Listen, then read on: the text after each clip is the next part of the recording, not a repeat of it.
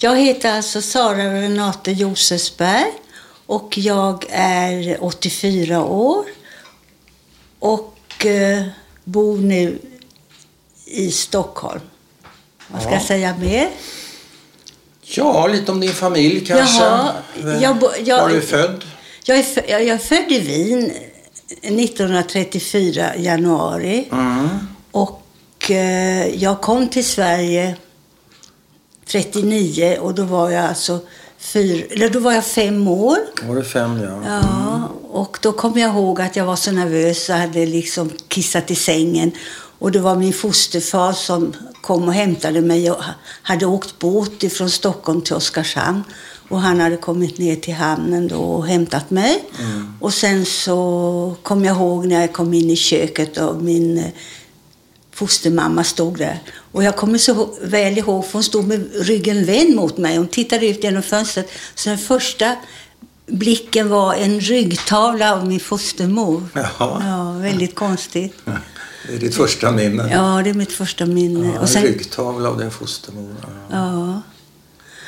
Men jag hängde inte med när du sa att du kissade på dig i sängen. Ja, var, det, jag kissade var det på tåget? Det, nej, det var på båten. Ja, på båten. Ja, jag minns när jag liksom steg på tåget och fick en liten nummerlapp. Och då var min eh, pappa med mig och han stod där utanför och åt på en smörgås. Och jag tyckte så synd om honom. Jag tyckte mest synd om honom, men jag tyckte synd om mig. Varför? Ja, jag kände att han skulle bli, han skulle bli av med mig. Jag, jag, jag vet inte, men jag kan berätta om min mamma också. Min mamma... Pratar vi om dina biologiska Nu föräldrar? pratar om ja? mina biologiska Ska du föräldrar. berätta vad de heter? Ja, min pappa heter Emil och min mamma heter Regina. Och eh, jag minns i slutet av 1938 när jag låg och sov en morgon så kom det två män hem och tog min pappa därifrån. Han stod i badrummet och rakade sig. Du kommer ihåg det? Ja, det kommer jag ihåg. Fyra år gammal. Ja, fyra och ett halvt år gammal. Ja, det, det, det är inpräntat alltså. Ja. Och sen så kommer jag ihåg när jag satt en gång hemma och mormor var med mig. Och mormor hette Sabina. Hon var född eh, eh, Rothschild. Ja. Ja. Var hon rik? Och då så hörde vi plötsligt någon som ropade Motter, Motter. Och då sprang, sprang vi ut och då låg min mamma där på marken. Och då hade hon hoppat alltså från ett fönster. Och när hände det här? Det här hände 1938 innan jul då. Och det var hemma hos er? Det var hemma hos oss. Ja. Och Från jag, vilken våning var det här? ja, det kommer jag inte ihåg. Nej. Men jag, Och hur gick det för mamma? ja, hon dog. Hon jag kommer- ja, jag Hon kommer tog ihåg- livet av sig? Ja, hon hoppade ut genom fönstret. Hon stod inte ut liksom att de hade tagit pappa. Oj. Ja, och då kom jag ihåg att det var någon som tog mig vid handen, för jag såg mamma Ja. och en massa blod. Ja. Och då tog en, en snäll människa mig vid handen och gick därifrån. Och den där gården har jag varit på sen I vuxen i, ålder? i vuxen ålder Ja. och tittat. Ja.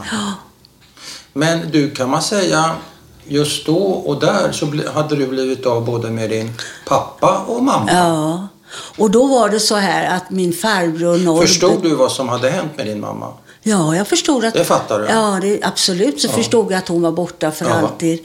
Och för sen så, så kom min pappa hem. Då var det så här att, att hans bror Norbert hade gått upp till nazisterna och sagt den här flickan har, har förlorat sin mamma och hon kan inte vara utan både sin mamma och pappa. Och då friade de honom. Så jag kommer ihåg när han gick över gården att jag sprang till honom och han lyfte upp mig och så sa jag så här att mamma är död. Och så tänkte jag så här, nu får jag vara med min pappa hela mitt liv. Ja, det tänkte jag. Var du lite lillgammal? Du verkar ha Jag förstått så väldigt mycket. Ja, jag vet inte. Eller? Ja. Jag kommer ihåg liksom bilder. Jag kommer ihåg Ja. när jag gick med min mamma i en park. Och jag hade fått en visselpipa som gick sönder och hon så skulle hon försöka laga den och jag tyckte det var så klumpigt så jag vet att jag blev så himla arg på henne. På din mamma? Ja, för att, att hon inte kunde laga min Visselpipa. visselpipa. Och sen kommer jag också ihåg att när vi gick på gatorna så sa de som hade mig, som jag höll i handen, jag vet inte om det var mamma eller om det var någon annan, att om jag var elak så skulle jag få ligga i de där säckarna som folk gick och bar på på gatorna. Och det har jag aldrig liksom förstått vad det var i de där säckarna. Men jag trodde då att det var barn som låg i de där säckarna. Andra barn. Ja, som de hade tagit som inte hade varit snälla. Så det, från början i mitt liv så förstod jag att jag måste vara snäll. För, För att så var det när jag kom till mitt fosterhem, att de sa till mig så här, att du måste vara snäll mot din lilla syster. Hon heter René och kallas för Nenne och hon var ett år då, eller ett och ett halvt år när jag kom. Och att jag skulle vara snäll mot henne, annars skulle inte jag få vara kvar. För de hade haft en annan flicka som inte var snäll mot henne.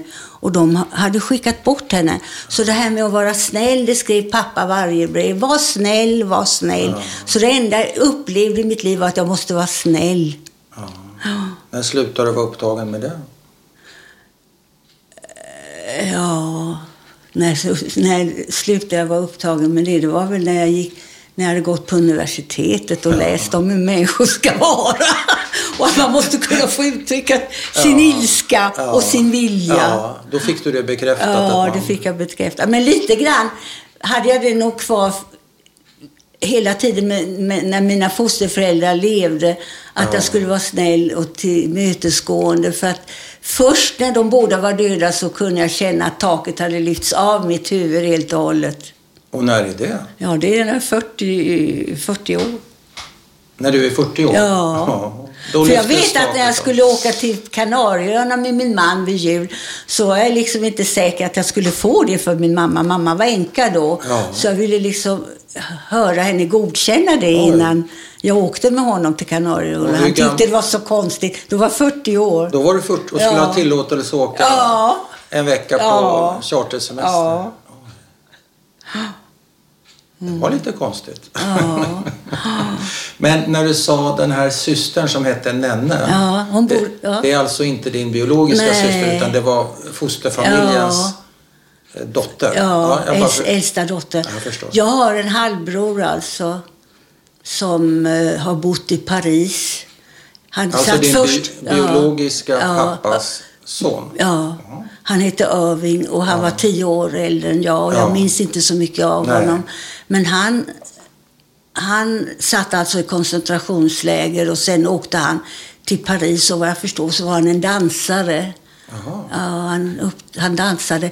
Och jag har också träffat honom i vuxen ålder för att i London där min faster och farbror bodde, de, de flydde alltså ifrån, ifrån Wien i sista sekunden alltså. Ja, faster och farbror. Faster och farbror. Det var, Alltså min, det var pappas- min farbror Norbert. Ja, pappas bror Ja. och eh, fru. De flydde i sista stund. Ja. Vad vet du, vad kan du berätta annars om dina föräldrar? Om vad de kom från för någon bakgrund och vad de jobbade med innan allting brakade ihop? Ja, jag vet inte någonting om min mamma, men jag vet att pappa kom från Polen och eh, han var urmakare. Ja. Och när nazisterna släppte pappa så Ja. sa de att han fick inte vara kvar i Wien utan han skulle åka tillbaka till Polen direkt. Så när han stod och vinkade av mig så skulle han bege sig till Polen sen. Men Okej. sen kom ju tyskarna dit också. Ja.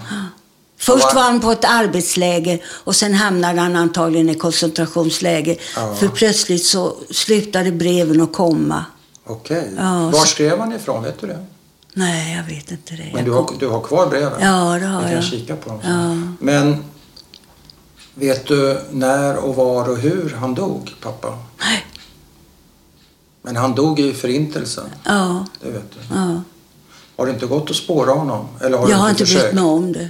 Du har inte brytt dig om Nej. det. Men du bryr dig väl om din pappa? Ja, det gör jag, men jag liksom orkar inte ta tag i det där Nej. och ta reda på var han kom ifrån. Det Nej. var på något sätt inte, det är inte viktigt för mig var han kom ifrån. Ja, pappa kom ifrån Polen, men, men vad var Jag tänkte snarare på hur han dog. Alltså hur han dog? Nej, jag vet inte. Nej. Det har varit ett stort frågetecken för oss allihopa och ingen har brytt sig om att ta reda på det. Och när det så är allihopa, vilka är allihopa? Det... Ja, min, ma- min fostermamma, min fosterpappa, min eh, fostertant och min fosterfarbror. Men det kan tänkas att de visste men att de inte ville berätta för mig. Nej. För när jag hälsade på dem så var inte jag så intresserad av min bakgrund. Utan Nej. jag hade förträngt det för att kunna överleva. Så de brydde sig inte om att berätta saker Nej, och ting för mig. Du ville och, inte Nej, och nu skulle jag vilja Ja. och nu finns de inte längre. Nej. Så nu är det många obesvarade frågor som jag skulle vilja ha svar på. Men du tänker på det här som en överlevnadsstrategi Mm. när du var yngre. Och en gång frågade jag min Vad pappa och mamma. an- vad hade hänt an- Ja, förlåt. Ja, en gång frågade du. En gång frågade mamma och pappa varför de inte adopterade mig. Ja. Och då sa de att de inte kunde göra det för de hade aldrig fått min pappas dödsattest. Okej, så den fanns inte. Nej. Ibland har jag fantiserat att han kom ur koncentrationslägret och träffade en ny kvinna och åkte liksom Ja. långt bort för att börja ett eget liv. Ja. Är det, är det vakendrömmar eller när du sover? Vakendrömmar. Och vad har du tänkt om det då? Ja, att han övergav mig då.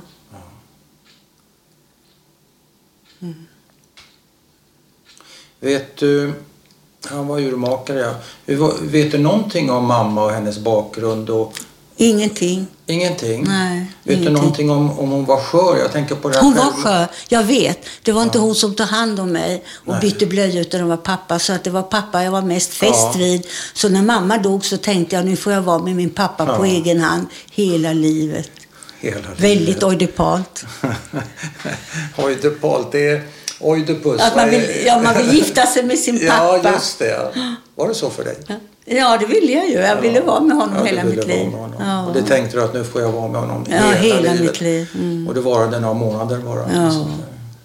Och sen kommer jag ihåg att jag kom till eh, släktingar, alltså till min farbror Bernhard och hans hustru. Och jag kommer ihåg att jag låg i samma rum som dem. Och jag kommer ihåg deras säng med de där tjocka österrikiska bolstertäckena. Ja. Liksom, kommer jag ihåg. Och sen kommer jag ihåg att jag låg i en liten säng och att jag klämde ett finger i dörrspringan. kommer jag ihåg. Och det är det enda jag kommer ihåg av dem. Men är det här innan du Kommer- eh, kommer till Sverige? Ja, visst. Allting hände. Men vem ordnar resan till Sverige? Ja, du vet. Jo, det är så här att min, eh, min familj, min fosterfamilj hade en annan flicka där som var tonåring. Och det var några vänner till min familj som, eh, som blev kontaktad.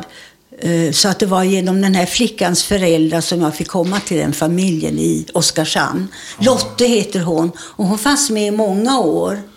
Var det en familj i Österrike? Ja, vars- Och vad heter din svenska, ska vi kalla dem för fosterfamilj Ja, eller ja. gästfamilj? ja, måste jag säga det? Nej. Vad de hette? Ja. Nej, du Nej. svarar bara på... Ja, nej. Det, det, det är inte det viktigt. inte? Nej, det är inte viktigt. Nej. Varför är inte det viktigt? nej, alltså de kanske inte alls vill bli utlämnade. Nej. Du känner dig friare att berätta kanske Ja, utan... ja. Eh, men pappa följer med dig till Tåget. tåget. Mm. Vem tar emot dig där på stationen? I Wien? Det kommer jag inte ihåg. Jag kommer bara ihåg att de satte en nummerlapp runt min hals. Ja. Och var du tillsammans? Med gäng? andra barn. Ja, Andra barn. några som du. Tågresan kommer jag ihåg lite dimmigt. Ja, Och sen minns jag inte förrän jag vaknade upp på den här eh, på båten. båten. Och hade kissat på den. Ja, just det. Du vaknade av det. Men eh, kände du några av de andra barnen? Nej. Och de vuxna? Var, Nej. för det var väl vuxna där på Ja, ombord? ja, ja självklart. Ja, självklart. Och jag vet att det var väl Röda Korset då som hade anordnat den där resan. Ja, det kan ha varit dem. Det kan ha varit eh, Israelmissionen. Det fanns Ja, lite jag olika, vet inte vem som eh, ordnade Lite det. olika kanaler. Ja. För det här var 39 va? Ja. Det är rätt så sent. Det var på våren, nästan sommar, när jag kom till Oskarshamn. Ja, men hur kommer du till Oskarshamn då? Är det tåg men, sista nej, men det är med båten och det är då jag kissar på mig. Men båten går gick ifrån... från Stockholm till från Oskarshamn, tror Stockholm jag. till Oskarshamn? Ja, jag Jaha. tror att det var det.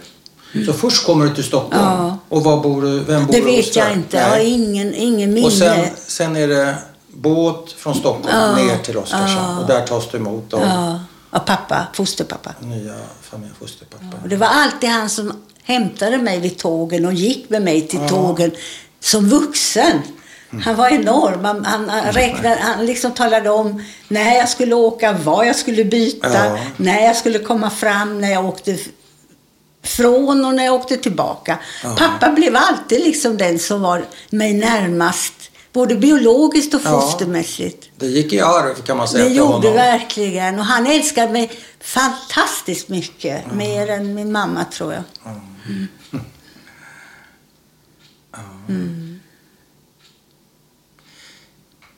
Hur länge saknar du din biologiska pappa? Eller gick det över snabbt? kommer jag inte ihåg. Nej. Jag kommer ihåg när jag sa till min fostermamma, får jag kalla dig för mamma? Ja.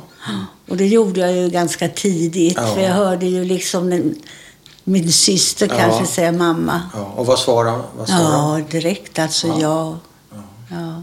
Och pappa kallar du för pappa? Fosterpappa? ja, oh, ja. Ja, ja. Så det blev din nya familj Ja, och det var, det var en judisk familj och pappa eh, höll alla högtidsdagar. Jag fick inte gå i skolan när vi hade judisk helg och Mm. han stängde affären när det var lördag. Mm. Och vi firade Shabbos varje fredag och vi Mm. firade alla, alla högtider, helger och och jag fick inte gå i skolan och vilket mina syskon fick. Så de var lite mera öppna med dem än, än de var med, med mig och Hur min andra syster. Jag vet inte. Och Jag så vet li- inte. lilla syster, hade du med en biologisk lilla Nej, syster? nej, nej, nej, utan Nej. det här är min fostersyster. Ja, fostersyster. Men det var andra barn i familjen? som De in- kom sen. Sen fick jag Som ytterligare... kom sen? Ja, tio. Jag har en annan syster som är tio år yngre än mig. Ja. Och så har jag en bror som är tolv år yngre Ja. än mig. Och de fick eh, gå i skolan? Där, där höll de inte lika Nej, hårt just på de judiska precis, ja. Vad tyckte du om det då? Alltså, jag, brydde jag tror inte jag brydde mig om det Nej. där. Fick du, skulle du säga, en judisk identitet Ja, det fick jag. Ja, det fick Ja. jag. Tyvärr så har den här väninnan som jag berättar för dig, som inte vill prata och berätta om sin historia. Ja. Hon fick inte sin judiska identitet utan det var Nej. Paula som upptäckte henne så att hon började gå till synagogan Ja. och sådana saker. Så jag hade det med från barnsben. Ja. Har det varit bra för dig tycker du? Ja, det har varit jättebra för mig. Och jag har aldrig blivit retad. Aldrig någonsin har någon sagt till mig att du är jude och liksom kommit med några elaka kommentarer. Så jag Nej. har aldrig upplevt det. Så det var, en lycklig barn, det var en lycklig barndom. Ja. Sen var taket lite för lågt för mig när jag blev vuxen. Så det blåste du av? Ja, det gjorde jag. Jag har återvänt till Wien. Ja. flera gånger. Det fanns något, eh, någon organisation i Wien som bjöd oss Ja. på en resa. Välkommen. Och vad betyder de resorna för dig? Jättemycket, för där fick jag komma till graven där mamma låg. De hade ju inte någon gravsten utan bara någon pinne. Ja. Så där fick jag liksom se graven. Ja. Eh, det gjorde att när jag kom hem Ja. så tog jag kontakt med en sån här stenmästare Ja. som gjorde en gravsten. Så hon har en gravsten idag? Ja, och nästa gång vi kom dit så tittade vi då på den där graven. Ja. Och det, den graven är magisk för mig alltså. Jag börjar gråta varje gång jag pratar om den. Mm. Vad betyder den? Jättemycket.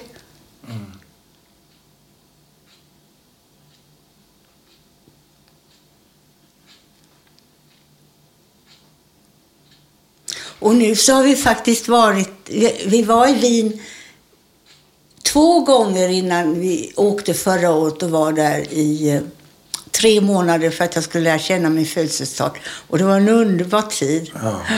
Och då var vi ute Hur länge sa du? I tre, Tre månader? månader, Oj, ja. det var ambitiöst. Det var inte ambitiöst, det var underbart lyxigt. Ja.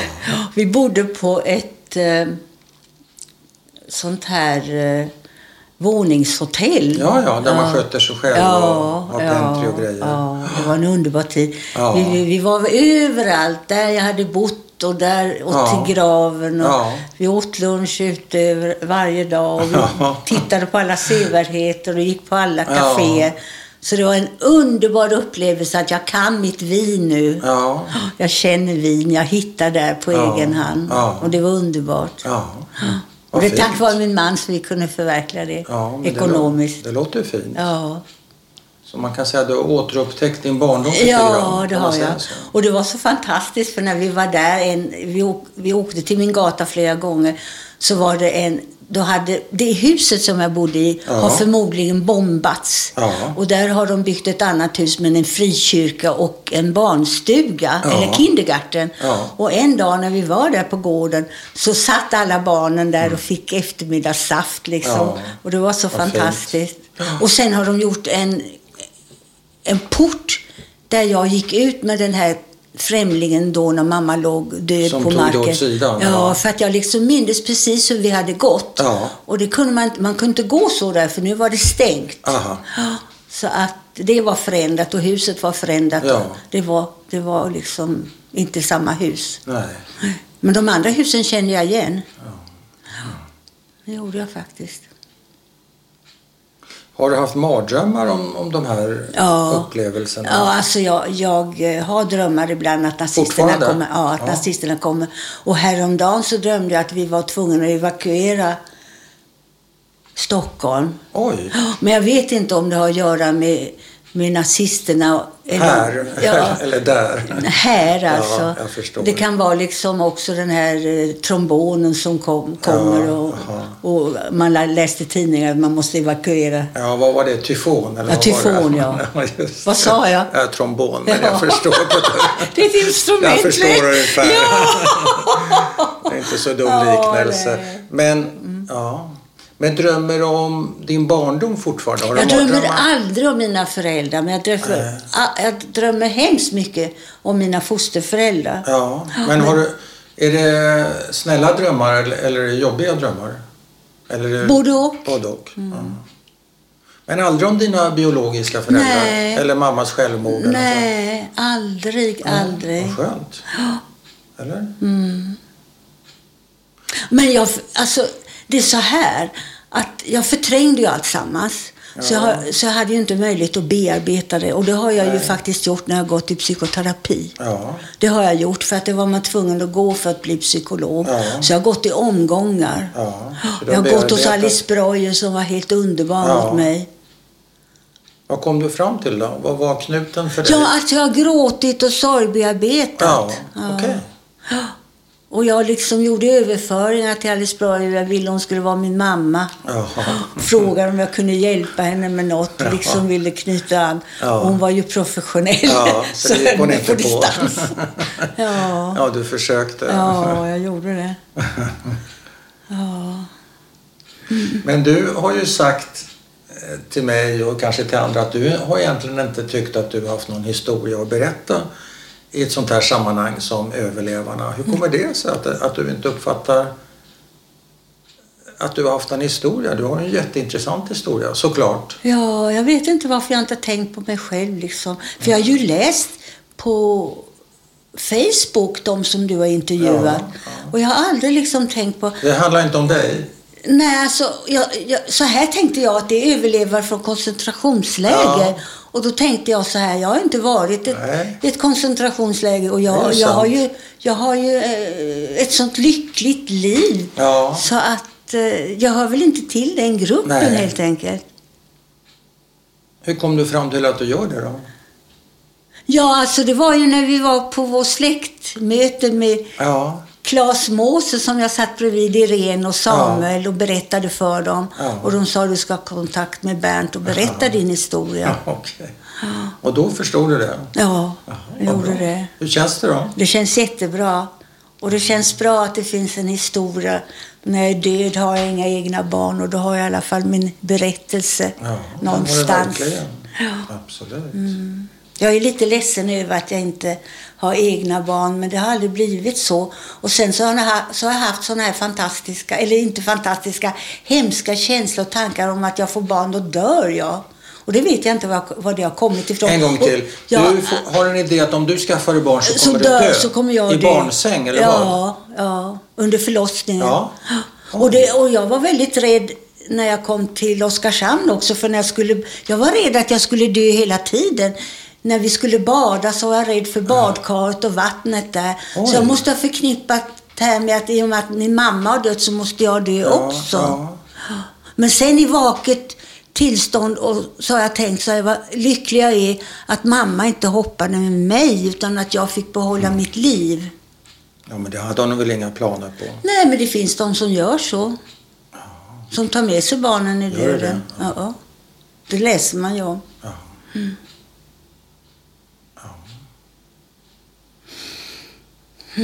Men hur kom vi in på det här? Du sa att du har varit rädd för allting. Ja, ja du, du har varit rädd för att skaffa barn för du trodde att du skulle dö. ja. Sen har jag ju jobbat Är du med barn. fortfarande rädd för att dö? Nej, tvärtom. Tvärtom. Nej. Så det har gått över? Ja, Ja, helt. Men jag tänker på döden varje dag. Ja, men det är inte så konstigt. Och förbereder mig också. Jag läser den här livs och dödsboken tibetanska. Mm. Ska vi komma in på det? För du nämnde det när vi satt och drack kaffe här innan att du är judinna i botten om jag förstod dig rätt. Men Mm. ovanpå det så har du ett lager till. Och det var? Buddhismen. Mm. Det är 40 år sedan som jag träffade en ung man som var vän och skolkamrat till en av mina bästa vänner. Och jag då tyckte jag jag stod och stampade i mitt arbete och då sa hon till mig att du ska få telefonnumret till en man, en vän till mig som heter Jörg Fitz. Och han ledde en eh, buddhistisk grupp. Ja. Det var nämligen så här att han hade varit i Schweiz för han var intresserad av Jung. Ja. Ja, och, och då trodde hon att jag skulle få impulser från honom i mitt arbete. Jaha. Och då liksom kom jag in i hans lilla grupp då, buddhistgrupp. Ja. Och där fick vi sen träffa en lama två gånger per år som hade flytt med Dalai Lama till Indien. Och han hade skickat ut de här andra munkarna i Europa för att de skulle kunna liksom vara där om folk sökte sig till Ja. buddhismen. Ja. Så att jag har mediterat i 40 år och mediterar nästan varje dag. Och när förstod du att det här var någonting för dig? Jag har, alltid varit, jag har alltid varit en sökare. Jag har varit med Maharishi Mahesh Yogi också, Oj. nere i Österrike. Oj. Ja, och blivit initierad i hans meditationsmetoder. Ja, så jag har varit en sökare. Jag vet inte vad jag sökt var, alltså. var inte han en skojare, trodde jag? Nej, jag tror inte han var skojare. För gav, det gav väldigt mycket den meditationstiden Jaha, okej. också. Men, men... eh, Så du har varit en sökare, okej. Men eh, betyder det här att du eh, tror att du kommer att återfödas? Ja. Men innan man återföds, träffar man till exempel, jag tänker på dina föräldrar, dina biologiska föräldrar. Träffar man dem Jag innan? hoppas det, jag vet inte. vet inte? Nej, men jag hoppas det. Om du måste välja någon då, vem skulle du välja då? Mina biologiska föräldrar, för jag känner ju inte dem. Jag skulle lära känna dem. Ja. Och veta liksom vilka drag jag har fått ifrån mamma och pappa. Ja. Det skulle jag vilja veta. Och jag skulle vi- vilja veta om deras liv också. Mm. För mina fosterföräldrars liv har jag ju lite kännedom om. Ja, just det. Mm. Men kan man återfödas som sin egen mamma? Nej. Jag har ingen aning Nej. liksom. Sådana det- detaljerade frågor har jag inte ställt Nej, till kanske- laman. Utan det räcker liksom. Men det är ju så här. Jo, men så här är det. Man kan faktiskt födas som, som sin syster eller som Jaha. sin mamma. Jaha. Det kan man faktiskt när jag ja, tänker ja. tillbaka. Det kan man. Ja, ja, jag vet inte vad jag vill bli i mitt nästa liv. du vet inte Nej. det. Det får du se då. Ja. Hur skulle du säga att dina erfarenheter har präglat dig som människa? Nu tänker jag på de tidiga erfarenheterna i Wien. Alltså jag vet inte vad jag har fått ifrån Wien och vad jag har fått Nej, härifrån. okej. Men jag känner, mig, jag känner mig trygg inombords och jag känner mig väldigt lycklig och jag har sinnesfrid. Mm. Och, och ingen sökare längre. Jaså? Nej. Har du slutat söka? Ja. Du ja, har ja. hittat, Ja, hittat hem? jag, har hittat det där inre lugnet som Dalai Lama pratar om. Ja. Det låter ju toppen. Ja. Du kanske ska starta kurser du också Ja. och lära andra. Ja. Har du funderat på det? Nej. Jag funderar på de här breven från din Ja. pappa som han skrev till Ja. dig. Jag är lite nyfiken på. Tror du Ska att jag du- hämta dem? Har du lust att göra det? ja, det har jag. Finns något.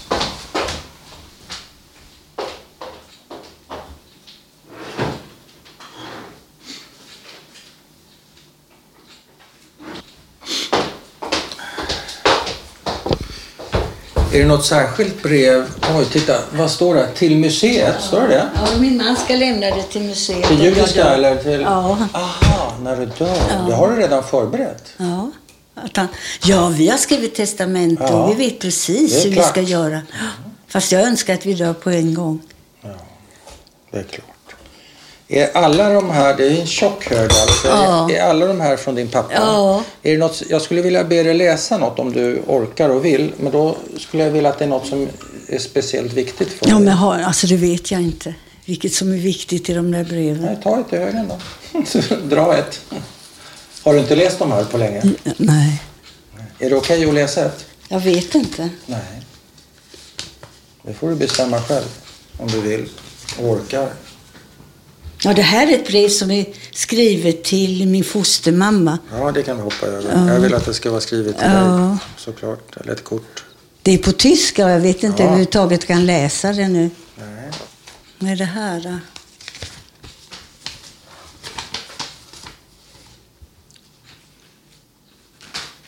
Alltså jag ser inte vad som är skrivet här nu. Nej, Men här är det... Kolla För här. att det börjar så här, Liebe... Liebe Renate börjar pappa. Mm. Nej, det är från Sabina Gans. Det är från min, det är från min mormor. Jaha. Så jag har fått brev därifrån mormor Ja. också.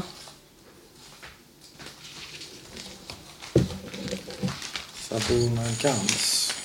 Vi kan se vad det här är. Nej, det är från mina...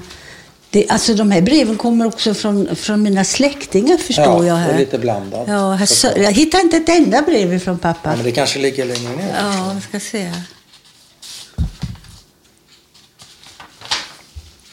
Nej, det är också till min fostermamma. Ja, jag ser alltså det, det. det verkar som om pappa inte vill att jag ska läsa något brev från honom. ja, men...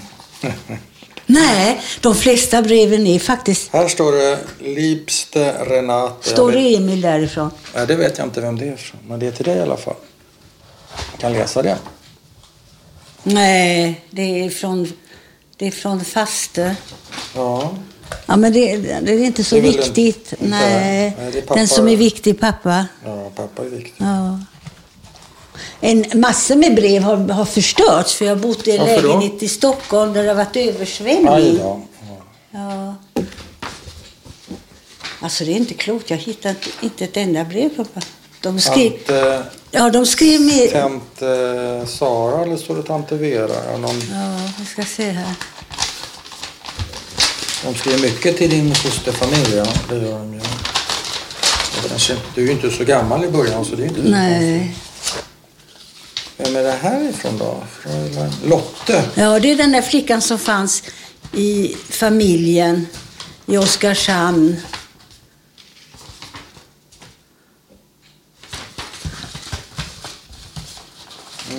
Jag borde ha förberett det här eftersom men vi titta på de här breven. fara. Ja, men här är familjen Fyr Renate och det är från Wien eh, någonting. Men vem är, vem är det ifrån? Jag kan inte se vem det är. Det är till dig i alla fall. Leo Bergman, det är från en farbror. Jaså? Den ena farbrorn eh, flyttade sen efter koncentrationslägret till Amerika. Ja. Och eh, han hängde sig där.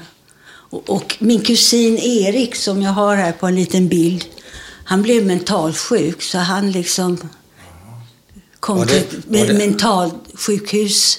Var det en son till han som hängde sig, kusin? Ja, Så pappan hängde sig och ja, sonen blev ja, mentalsjuk? ja. Också i USA? ja.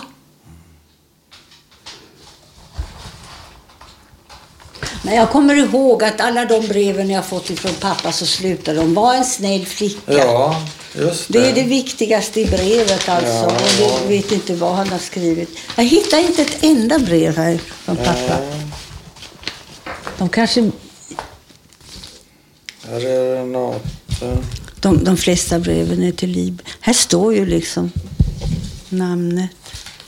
Ja, jo då, jag ser det. Jag hittar inga. Vi får låta det vara.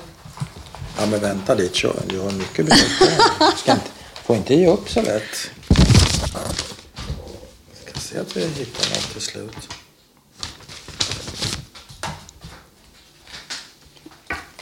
Vi kan se om de ligger här. Vem var Hilda Josefsberg då? Ja, det var den här Bernhards fru Ja. I Amerika. ja. Nej.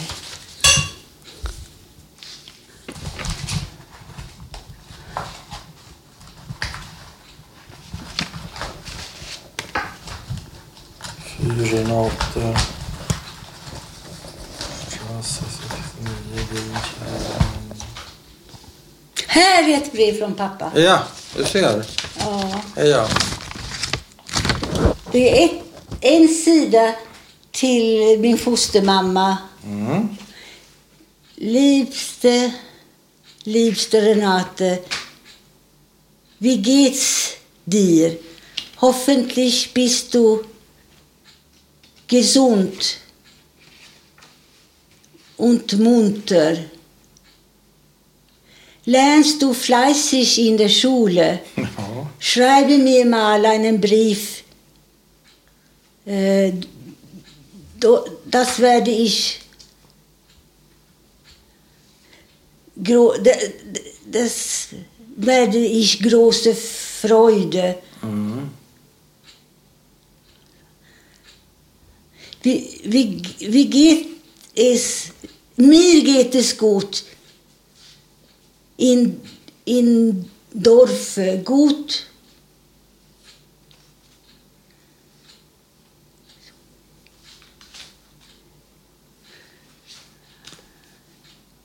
Och du kan inte läsa det, men så står det Hoffentlich werden wir uns nicht mehr lange bald wiedersehen.